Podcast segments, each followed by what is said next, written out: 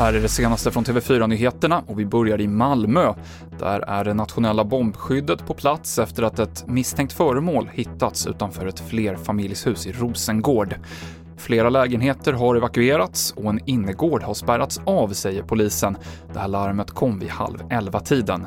Mer om det här på TV4 Play, där det finns en intervju med Malmöpolisen. SAS sparkar närmare 1600 anställda i Danmark, rapporterar danska medier.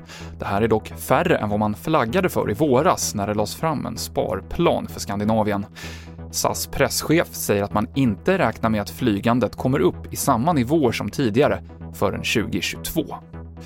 Och universitet och högskolor har tappat mycket inkomster under coronapandemin eftersom man inte kan hyra ut bostäder som man har till utbytesstudenter och gästforskare som har minskat kraftigt.